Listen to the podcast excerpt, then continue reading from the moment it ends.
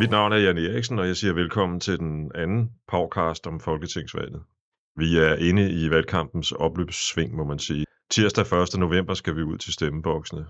Øh, ligesom sidste uge har jeg inviteret to af POV Internationals politiske eksperter i studiet. Det er vores politiske redaktør Frank Korsholm, og det er Bjarke Larsen, en af vores faste politiske skribenter.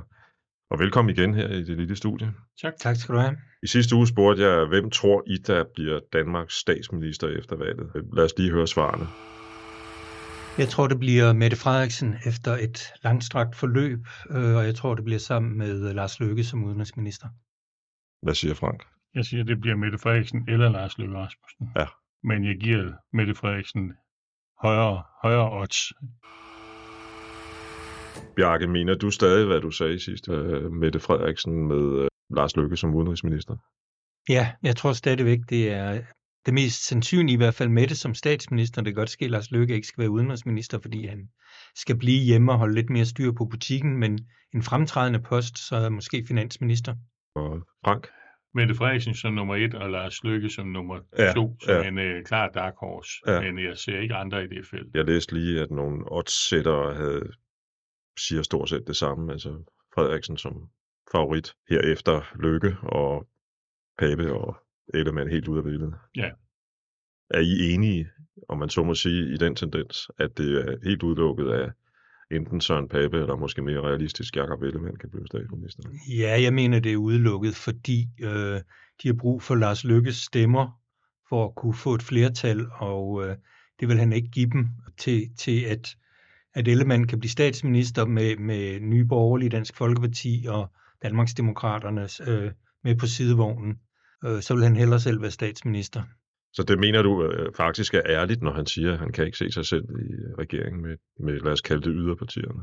Jeg tror, at han i sidste ende vil lade sig i gåsøjne overtale, hvis, hvis en hel masse andre forsøg har vist sig at være forgæves. Så vil han sige, okay, nu har vi prøvet, og vi har prøvet, og vi har prøvet, og så må det her være den mindst øh, dårlige løsning. Ja, det vil komme ud af et kaos, så det vil ikke være det første, det der bliver smidt på bordet i den første uge, og nok heller ikke den anden uge, men hvis alt kører fast, vil han.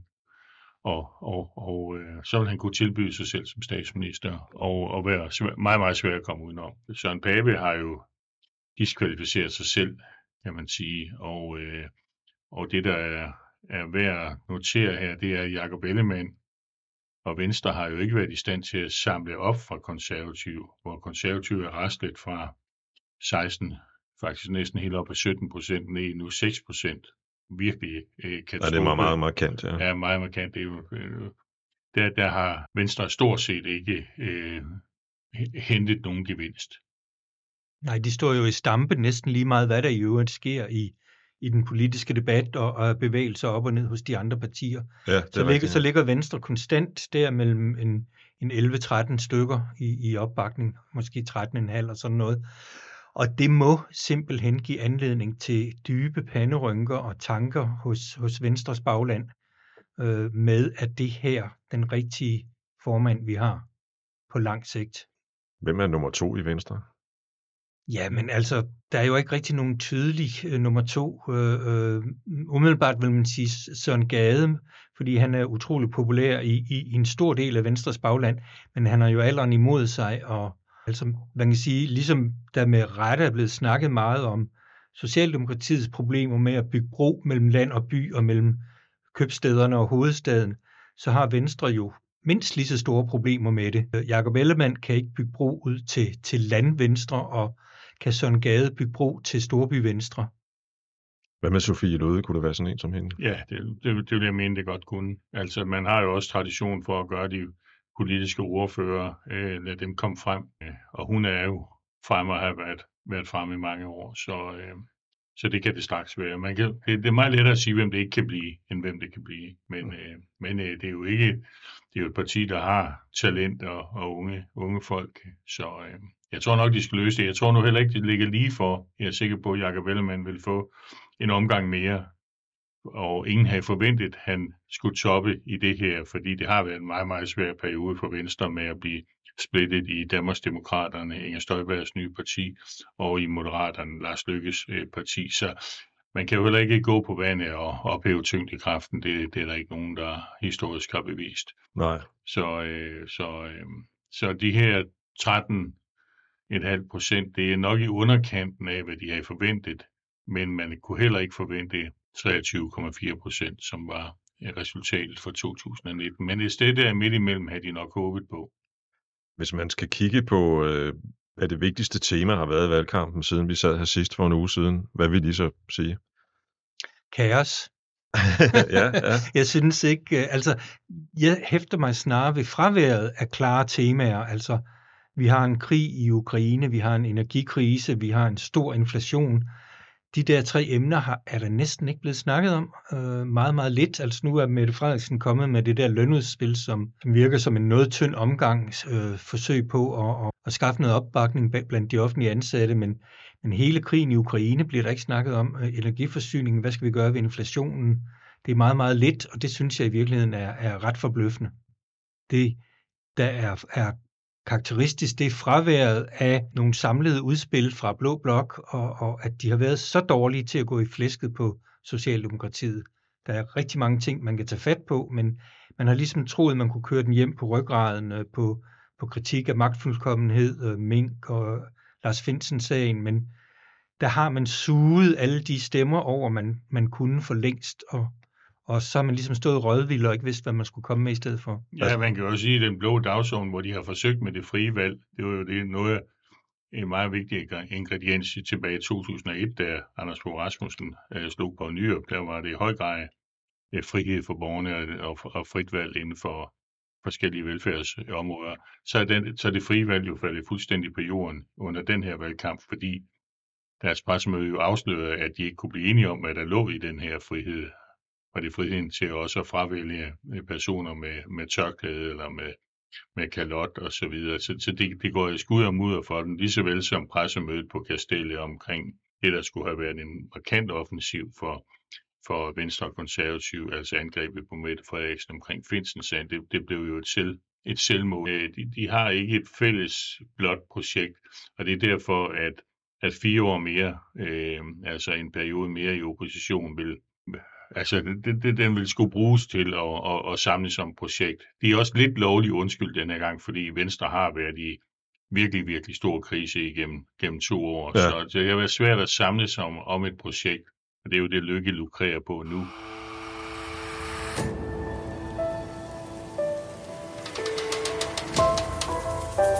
Sidste gang spurgte jeg, om Lars Lykke var genial eller heldig, og, og så svarede Frank begge dele. Og, og for mig at se tyder mere og mere på, at øh, det første øh, måske øh, især er tilfældet, fordi det ser jo ud, set lige nu, som om, at det lykkedes ham i, at i sundhedsvæsenet og den måde, det er organiseret og struktureret på, til et hovedtema.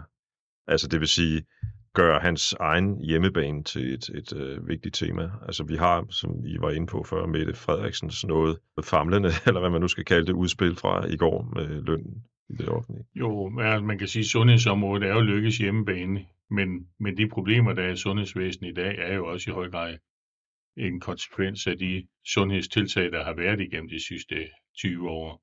Altså, hvorfor har man ikke fået et fælles IT-system, og hvorfor har man de lange ventelister, hvorfor har man flugten fra øh, af, af sygeplejerske, hvorfor har man lægemangel og ikke fået uddannet dem, der, der, der er nødvendigt. Så, så han er jo han bygger ligesom videre på, på, på sin egne fejltagelse, men man har jo tillid til ham, fordi han jo udstråler, at han ved, hvad han snakker om. Og, øh, og det er jo det, at Venstre og Konservative har svigtet altså virkelig stort, ikke? fordi Konservative har ikke haft andet i kufferten end, eller i, i bagagen end, end skattelettelser, og, øh, men hvor er deres klimapolitik blevet af, hvor er deres uddannelsespolitik, hvor er deres sundhedspolitik blevet af hvor deres kulturpolitik blev af, hvor deres retspolitik blev af. Mm. Det, det, det er umuligt at, at få øje på det. Ja, dermed vil ikke sagt, at man ikke taler om det ude på gader og stræder, men der har ikke været et udspil, der, der brænder igennem og, og, og sætter sig i vælgernes bevidsthed. Og det samme kan man sige om Venstre. De har dog forsøgt sig med et klimaudspil. Den, den ro skal de have. Øhm, hvor det, der står tilbage, er, at de vil sælge Ørsted. Det kan, det kan folk godt huske. Om det så er, er noget, der sådan øh, får vælgerne til at strømme til venstre, det er jo været vanskeligt at få øje på, og folk er jo også generelt lidt kritiske over for øh, privatiseringer. Mm-hmm. Så, det, så det har ikke været en, en stor sælgert hos dem, men de har dog forsøgt at komme ind på den bane med en liberal dagsorden. Jo, men det er jo altså, når man tænker på, hvad salget af en del af Dong udløst af voldsom ballade og de debatter i offentligheden, øh, og jo øh, væltede det, den tidligere regering under Helle Thorning, eller fik SF til at trække sig ud, så er det jo lidt forbløffende, at man kommer med en, et frasalg af Ørsted som slagnum, slag, slagnummer her få, øh, få år efter, fordi øh, selvfølgelig vil der blandt borgerlige vælgere være en, en holdning, en mere positiv holdning til, at det, det er fint nok at sælge det, og så score alle de her milliarder, men det er jo ikke et forslag, man trækker vælgere hen over midten med ja. overhovedet. Ja. Og så synes jeg også, når vi snakker om, om lykkes øh, succes, altså at, at det er jo kendt træk, at vælgerne er lidt ligeglade med, hvad du lykkedes med eller ikke lykkedes med øh, tidligere. Det, de ser mere på, det er uh, what's in it for me fremadrettet. Øh, og der lykker jo god til at tage den der balance med at sige, ja, men det var måske heller ikke så, så rigtigt, og det der, det kan du godt strege, og det der kan du også godt strege, det var en fejl, og, og, og nu skal vi lidt den anden vej. Og så kombineret med hans professionelle dygtighed, så trækker det vælgere til. Ja, men man, man er altså også nødt til lige at nævne, at hey, Søren Pape har aldrig været i den Dominikanske Republik og, og gifte sig med, med sin nu eksmand, så har Lykke heller ikke haft den succes, som han har nu. Det er også lidt af en foræring til ham med den konservative nedsmeltning. Ja, præcis. Øh, vi, vi snakkede sidste gang om det der med, med det der øh, hold af 50 øh, kandidater, som Moderaterne har. Hvis man skal kigge lidt på, hvad kan der egentlig gå galt for Lykke, hvis der er noget, der kan det, de sidste 3-4 dage her. Jeg læste i, i går, at TV2 måtte aflyse nogle interviews, fordi Moderaternes kandidater simpelthen havde fået mundkur på. Hvis nok af, af den politiske chef i partiet, Jakob Engel Schmidt. Det begynder for mig at minde lidt om den øvelse, som Pia Kærsgaard var igennem øh, i Dansk Folkeparti i begyndelsen. Mm, jo, det ligner jo også noget, vi kender der fra midt-nullerne. Så var det jo valgt 2007, hvor Ny Alliance hed det jo dengang, hvor de også brændte sammen til sidst, fordi at de havde kandidater, der meldte ud i Øst og i Vest, og Lars Kolin, der ville gøre Fyn til skattefrit område. Det, det blev sådan lidt tivoli for, øh, mm. og det er jo det, som moderaterne frygter vil gentage sig, fordi deres kandidater er utrænede, og skal man være meget, ikke engang meget hård, men skal man være, se på deres program sådan med nøgterne briller, så er det jo et øh, noget øh, flosset program, de har med med, hvor der er sådan lidt rødt og lidt øh, blåt og tvangsudskrivning af de unge til at udføre samfundstjeneste, når de er færdige med skolen. Det er, det er jo, de er jo heldige, at de ikke har fået debatteret deres program. Fordi øh, det tror jeg vil have splittet øh, mm. mange, og, og også have skræmt mange af de borgerlige vælgere, som, har, som er nu tilkendegiver, at de vil stemme på partiet. For det er ikke, det er ikke øh, udelukkende borgerlig politik, de har i programmet. Ja, der er jeg så ikke helt enig. Jeg mener, at, at deres program øh, i virkeligheden er langt, langt mere blåt, end det er rødt. Altså, det er meget lidt regulær rød politik, der er i det.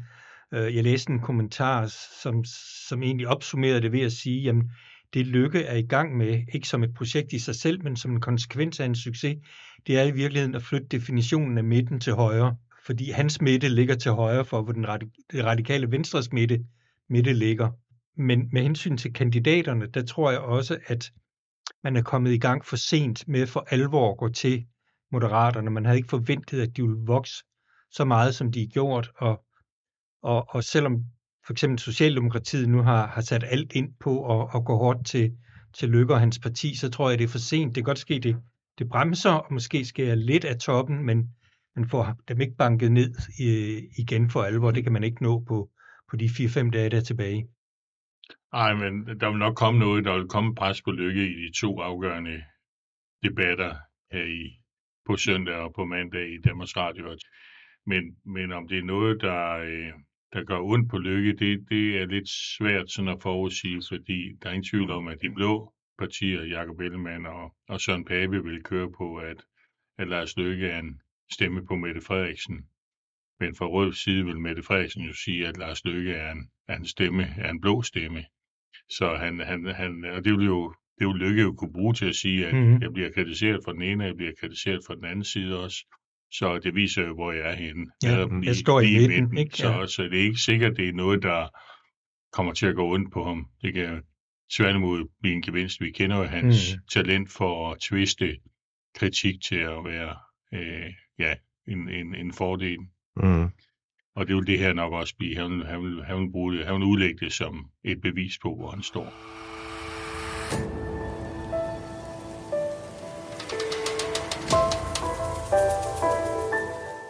Og jeg kunne godt tænke mig at dvæle et øjeblik ved Socialdemokratiets udspil i går, hvor de vil afsætte 3 milliarder kroner om året til bedre løn og arbejdsvilkår i den offentlige sektor på sigt, skal vi sige, fordi jeg har set tallet, eller årstallet 2030 i den her sammenhæng. Øh, og det, og det øh, forslag er blevet hejlet igennem fra både højre og venstre og nedefra og opfra.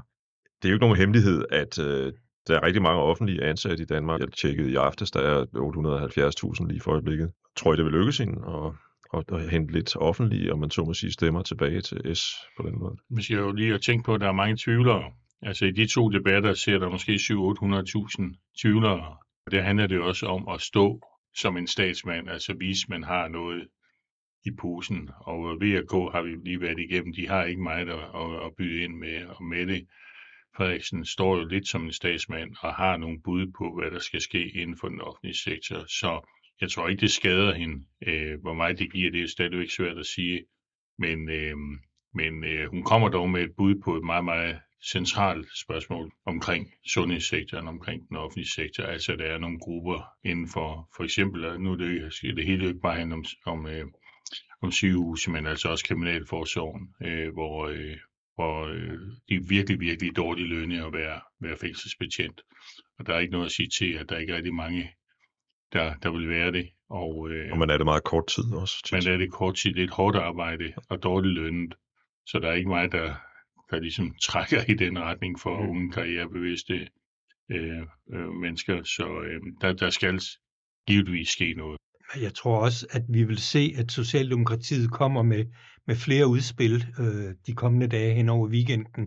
Der vil formodentlig, det vil i hvert fald ikke overraske mig, hvis der var en eller to af de store øh, søndagsaviser, der kommer med et nyt udspil fra deres side. Øh, plus, at, at hun kan finde på at hive et eller andet, en kanin op af hatten under de afsluttende debatter. Sætte et angreb ind, som de andre ikke kan nå at afværge, inden folk skal stemme.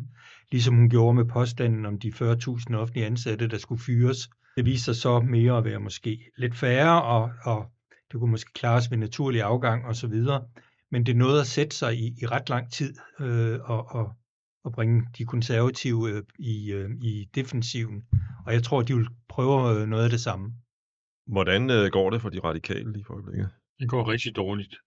Ja, det går nedad, nedad, nedad. Man kan sige, nu er man ved at være dernede, hvor, hvor det nok er tvivlsomt, de kan komme længere ned, fordi det er en, en kerne af mennesker, som er die-hard øh, radicals, øh, og som vil stemme på partiet uanset hvad. De skal, de skal have nogle snakke og, og sådan noget efter valget, men de har jo før været meget langt nede, øh, både under Hjelved og, og under Niels Helvig, øh, hvor, hvor de alligevel er kommet i regering, eller har fået meget stor indflydelse, hvor de har ligget mellem 3,5 og 4,5 procent efter, efter et dårligt valg. Så lykkes det dem at komme i regering, så vil man tilgive meget, og lykkes det ikke, så, så er Sofie Karsten Nielsen færdig. Men de har jo, man skal jo ikke afskrive dem, fordi som, som Bjarke siger selv med et dårligt valg, så, så øh, har de jo mulighederne foran sig, fordi øh, kan lykkes parti også holde højden, flyvehøjden, og det er sådan, at, at der skal til at føres, øh, eller øh, dannes en regering, eller der skal føres politik, så, så koster det jo noget at, at, at have magten. Med de uprøvede kræfter, han har, så er der jo, så er der jo basis for, for mange øh, sjove historier bagefter. Jeg ved ikke, om det er muligt, men jeg kunne godt tænke mig, hvis vi kunne skrue øh, tiden frem til øh, på onsdag. For sjov skyld lege med, at de her tendenser, vi har set i meningsmålingerne, nogenlunde holder. Hvad sker der så på onsdag? Altså, vi går ud fra, det med Mette Frederiksen, der er forhandler, ikke? Mm, jo, altså regeringen er jo ikke trådt tilbage, Det er det. formelt set, så, så, så hun vil jo være forhandlingsleder. Så vil, man, øh, så vil hun sige, at hun vil indlede nogle øh, forhandlinger om at danne en øh, flertalsregering, eller i hvert fald en regering hen over midten. Og så vil hun tage en runde med, med alle partierne og så vil VK melde ud, at, og alle dem til højre melde ud, at det har de overhovedet ikke interesse i, og Lykke vil formodentlig sige, at det er ikke nok med, med Mette og mig, der skal nogle flere med. Så hvad der sker bagefter, det er meget svært at give et bud på. Det er, ja, det er jo helt umuligt, fordi Lykke vil jo også sige, at hvor jeg skal med i regeringen, så skal vi have en, advokat under, øh, en advokatredegørelse af Mink-sagen. Og det huer i hvert fald ikke Mette Frederiksen. Ikke fordi, at Lykke jo kægt siger, ikke fordi han tror, at der, den vil komme med noget, men det er for at få afsluttet sagen. Men risikoen for, at man får et advokatfirma, der ikke har forstand på øh, forfatningsret og forvaltningsret, øh, som vi så et advokatbureau øh, bestilt af Nye Borgerlige, der jo anbefale en rigsret til Mette Frederiksen. Den er jo også til stede mm. i, øh, ved, en, ved, en, ved en ny, og den risiko vil hun jo gøre alt for at undgå at, at, at løbe ind i. Det går i hårdknude i, i, i den første uge naturligt. Men kan hun ikke øh, altså være tilbøjelig til øh, under presse, som det jo bliver, og sige, jamen så tager vi den? Ja, det kan hun jo, jo. Til. Det, kan det, det tror jeg også, hun vil. Altså, og, og, men det er jo fuldstændig rigtigt, som Frank siger, at Nye Borgerlige fik jo et advokatfirma, som viste sig ikke at have forstand på, ja, ja, ja. på, på statsret og alt muligt andet, ministeransvarslov og sådan noget. Til, men det vil man jo ikke gøre igen. Altså man vil jo skaffe nogen, som er så lige så kvalificeret som de to, der lavede øh, den anden rapport om, om Inger Støjberg-sagen. Ikke? Man kunne måske endda genbruge de to, uh, og så tror jeg ikke, hun behøver at være bange, men hun vil have det.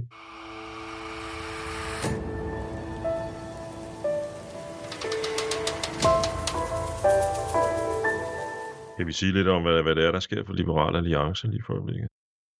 De kører jo bare derud af. Hvis man, når man skal evaluere valget her i, i de kommende år, så vil man jo kunne se, at de også har været nyskabende. Altså, de har spillet meget på humor, og det har de gjort godt. Det må man sige. Humor, ja. og humor og selvironi. Og de har valgt øh, altså TikTok, som er alt for ung til, at jeg øh, er bruger af det, men øh, jeg har dog set nogle af de der videoer, dem, dem man må bare lægge, sig ned og sige, at det er godt, det er godt mm. lavet, det er godt skruet mm. sammen, og det tiltrækker de unge. Altså de unge, de unge interesserer sig for politik, men de interesserer sig også for sig selv og deres egen karriere, og, og så har de altså også humoristisk sans. De kan godt lide, øh, man har set det for andre valgkampe i udlandet, hvor man har spillet også på humor og, og lavet, øh, især under Obama, øh, spillede de på en, en superhelt mm. også. Og ja, ja. Øh, det, er, det er lidt af det samme, eller Svanopslag som en som et idol, som et ikon for de unge. Og det, det må man, man må tage hatten af for det. Fordi det er jo ikke sådan, at de andre to medlemmer af Liberale Alliance, Ole Birk Olsen og, og øh, Henrik Dahl. Henrik Dahl, det er jo ikke sådan, at de appellerer til de unge i, og, jeg har faktisk heller ikke øh, hørt dem eller set noget til dem i den her valgkamp, så de har været gennem godt af vejen. Ja, og, men, men øh, Alex van Opslag har jo også den fordel, at han ser ung ud, han virker ung, ja. og derfor kan han slå igennem på, på, øh, på TikTok. Det er der jo mange af de andre, der er alt for gamle til, at, at de vil kunne, og, og, og øh, ikke har den øh, selvironi eller stil, der skal til. Og så synes jeg også, det, det, det er bemærkelsesværdigt, at man har altid forbundet Liberal Alliance med CEPOS, altså en liberal tænketank. Og der har overhovedet ikke været nogen kontakt den her gang. Det er Cepos, der har blevet koblet sammen med konservative, så deres skatteudspil omkring topskattelettelsen var udarbejdet i Cepos. Og på de sociale medier har Cepos jo støttet de konservative hele vejen igennem. Men i Liberal Alliance har man formået at, at lægge afstand til dem, og overhovedet ikke øh, øh, brugt dem, og de, og de har heller ikke slået hårdt på, at skatten skal ned. Det har ligesom været en vare på hylden, men det har ikke været deres slagvare, det har ikke ligget øverst på hylden. Det har mere været fortællingen om, at man skal kunne tro på sig selv og bygge sig selv op. Hmm. Hvis man ser på, hvad de er kommet med af konkrete politiske udspil, så er det jo meget, meget lidt. Øh, og det er jo også typisk, at når et parti er inde i en optur, som de er i øjeblikket, så bider sådan noget som, som hans boligsag slet ikke på, på de unge. Det er ikke sådan noget, der interesserer dem. Det er også en gammel kendskærning fra andre verdener. Kunsten, kulturens verden for eksempel, er succes avler succes. Der er en eller anden, vil man sige, der er en logaritme eller en algoritme eller sådan noget, der går i gang. Når ja, først... man kalder det, i politik kalder man det jo momentum, the big mo. Ja, okay, og når du ja. først får, når først snibbolden ruller og bliver større og større, så, øh, ja, så, øh, så bliver den rigtig stor. Og, og, det, det, og, det, og det gælder i begge retninger. Men at se det, det negative momentum for konservative, hvis vi bare går en, en måned tilbage, hvor der kunne man kunne måske godt se, at de ikke kunne holde de 16 procent. Men de private samtaler, jeg havde med, med tidligere konservative folk, de spurgte dem omkring 10 procent. Nu har de altså tabt 40 procent mere end i 6 procent. Og, og det er altså, når momentumet Ja. ruller, Mm. snebolden ruller, så, så kan det gå rigtig, rigtig stærkt. Så er det ubarmhjertigt, når det er nedad. Så det med Dansk Folkeparti i 2015 også. Ja, Eller nemlig. Ja. 2019, ja. undskyld. Og, men også i 2015 for så vidt. Der var det bare det positive momentum, og 2019 var det det negative momentum. Ja, meget markant faktisk begge, var det begge, begge gange. Ikke? Øh, Det, som de jo i egen øh, analyse tabte meget på i 19, var det, som øh, Pia Kærsgaard jo kaldte klimatosserne. Eller I har selv været lidt inde på det her i dag også, at, at der er trods alt nogle, nogle grønne udspil også fra, fra, fra Venstre for eksempel. Og Pape har også snakket lidt om, om, om klima og sådan noget, men jeg synes egentlig ikke, det fylder så meget i den her valgkamp. Så Nej, Nej.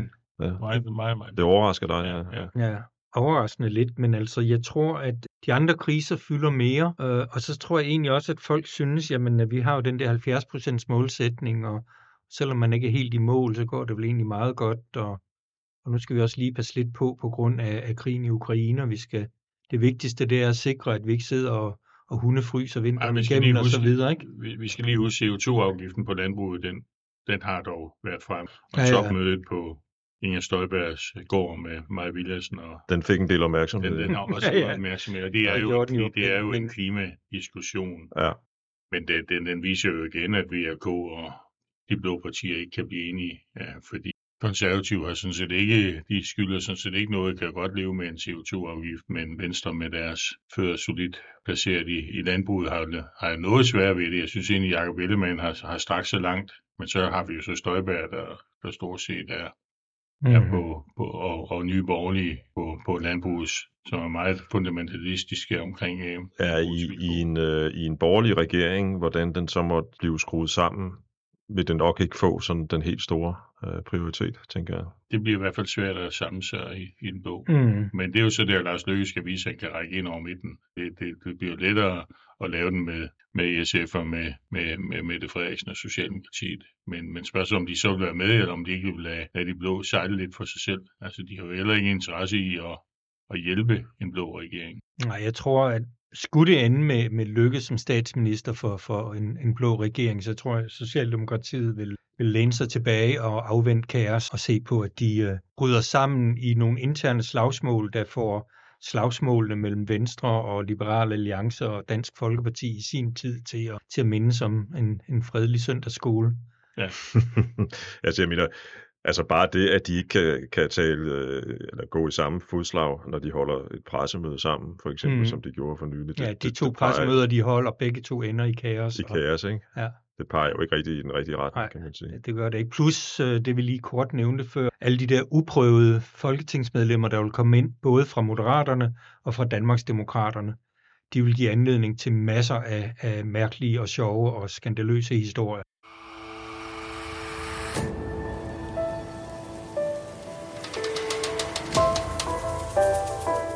Nu nævnte vi lige det her øh, topmøde, som, som du kaldte med Støjbergs bror og Støj, hos Støjbergs bror mellem hun og Maja Villadsen. Øh, hvordan, hvordan går det egentlig for enhedslisten i den her? Jamen, de er jo så ved at få lidt vind i sejlene.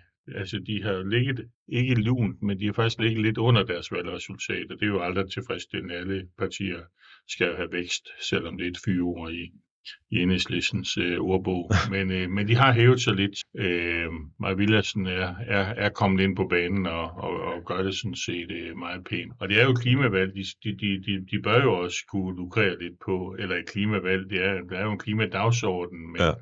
men det er, dem, der, det er dem, der prøver at sætte den. SF ligger også rigtig godt øh, ved at køre meget stille og, og øh, Mhm. afdæmpet af valgkamp, og Pia Olsen Dyr er jo meget sådan, som pas på, hvad man siger, men sådan almoderlig øh, i sin, i sin frem. Der var du lige ved at lave en Lasse Ellegaard der. Ja, det, Ja. det, det, det man skal kan hurtigt få ørerne i maskinen. Ja.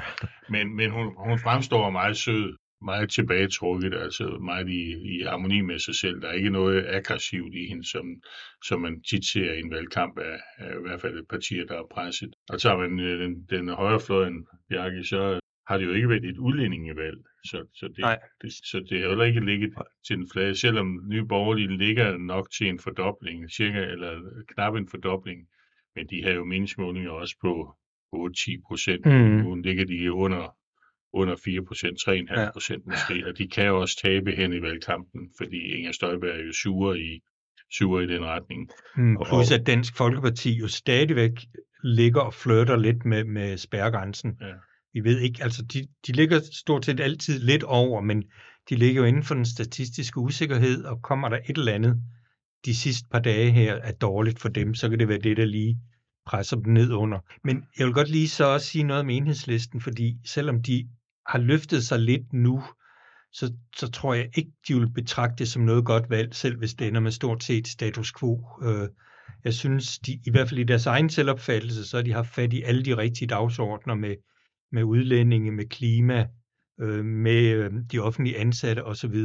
Og alligevel lukrerer de ikke rigtigt på det. Det, det er jo øh, SF og Pia Olsen Dyr, der lige så stille er vokset op til nu øh, godt 9 procent. Øh, og jeg tror, de fik jo et knæk der, da invasionen af Ukraine, og, og de havde lidt svært ved at finde benene, og der er nogen i deres bagland, som stadigvæk kommer med nogle mærkelige udtalelser, som ikke ligger på, på den linje, som partiet som sådan står for. Og det tror jeg har presset nogle vælgere over til SF. Det kunne man levende forestille sig. Måske kunne man måske også forestille sig lidt, lidt den anden vej, hvor, øh, hvor trods alt var Pernille Skipper jo ude og tale med meget store bogstaver, da de her gamle kommunister, øh, som der er en Mm. del af i enhedslisten, begyndte at ytre noget, der lignede sympati for Putin. Ikke? Jo, men det når alligevel at sætte sig. Altså når, når, når talspersonen for internationalt udvalg siger, at der skal to til at starte en krig, og, og at han er lidt usikker på, om Ukraine er, er, en, er en rigtig stat osv. Folk, der stemmer på enhedslisten, er jo nok mere politisk bevidst og mere, følger mere med i politik end, end så mange andre vælgere. Og, og sådan noget, det, det vil sætte sig i, i lang tid. Nye borgerlige øh, lederen Pernille Vermund har været ude og markedsføre sig selv med nogle sådan lidt pin-up-agtige fotos. Er det noget, der kan skaffe hende stemmer, tror jeg? Nej, altså det var meget sjovt at se, og, og, og der var forskellige konkurrencer på Twitter og, og Facebook om at finde den bedste billedtitel til der, hvor hun ligger i, i høet med den store gris og sådan noget. Ikke? Øhm, men jeg tror ikke, det flytter noget overhovedet. Altså det, det er mere en gimmick for... Det har jo ikke været et udlændingvalg, og udlændinge er jo deres, Præcis, ja. deres, øh, deres bane. Altså hun er så, så de har haft det svært. de er lidt i et limbo, altså. Ja. Jeg tror, de har lidt opgivet og siger, jamen kan vi få de der 4-5 procent, som vi står til i meningsmålingerne, så er det en, en fordobling, og, og det kan vi godt udlægge som en sejr, og, og så må Det vi se, hvad der sker. Jamen, det vil jo være en sejr på at fordoble sit parti. Ja, det er jo... Men spørgsmålet om også, om den fordobling så også holder, om, om ikke man vælger Støjberg i stedet for. Det er jo lidt den samme bare, man får øh, hos de to. Det bliver enormt spændende at se, hvad der sker på tirsdag og efterfølgende, og kan vi ikke love hinanden, at vi snart ses igen her, når vi Jo, kan få lad os, øh, så kan vi lege ikke, tirsdags, ikke mandagstræner, men uh, tirsdagstræner. tirsdagstræner. Ja, det er et godt navn, ja. Tak for i dag. Selv tak.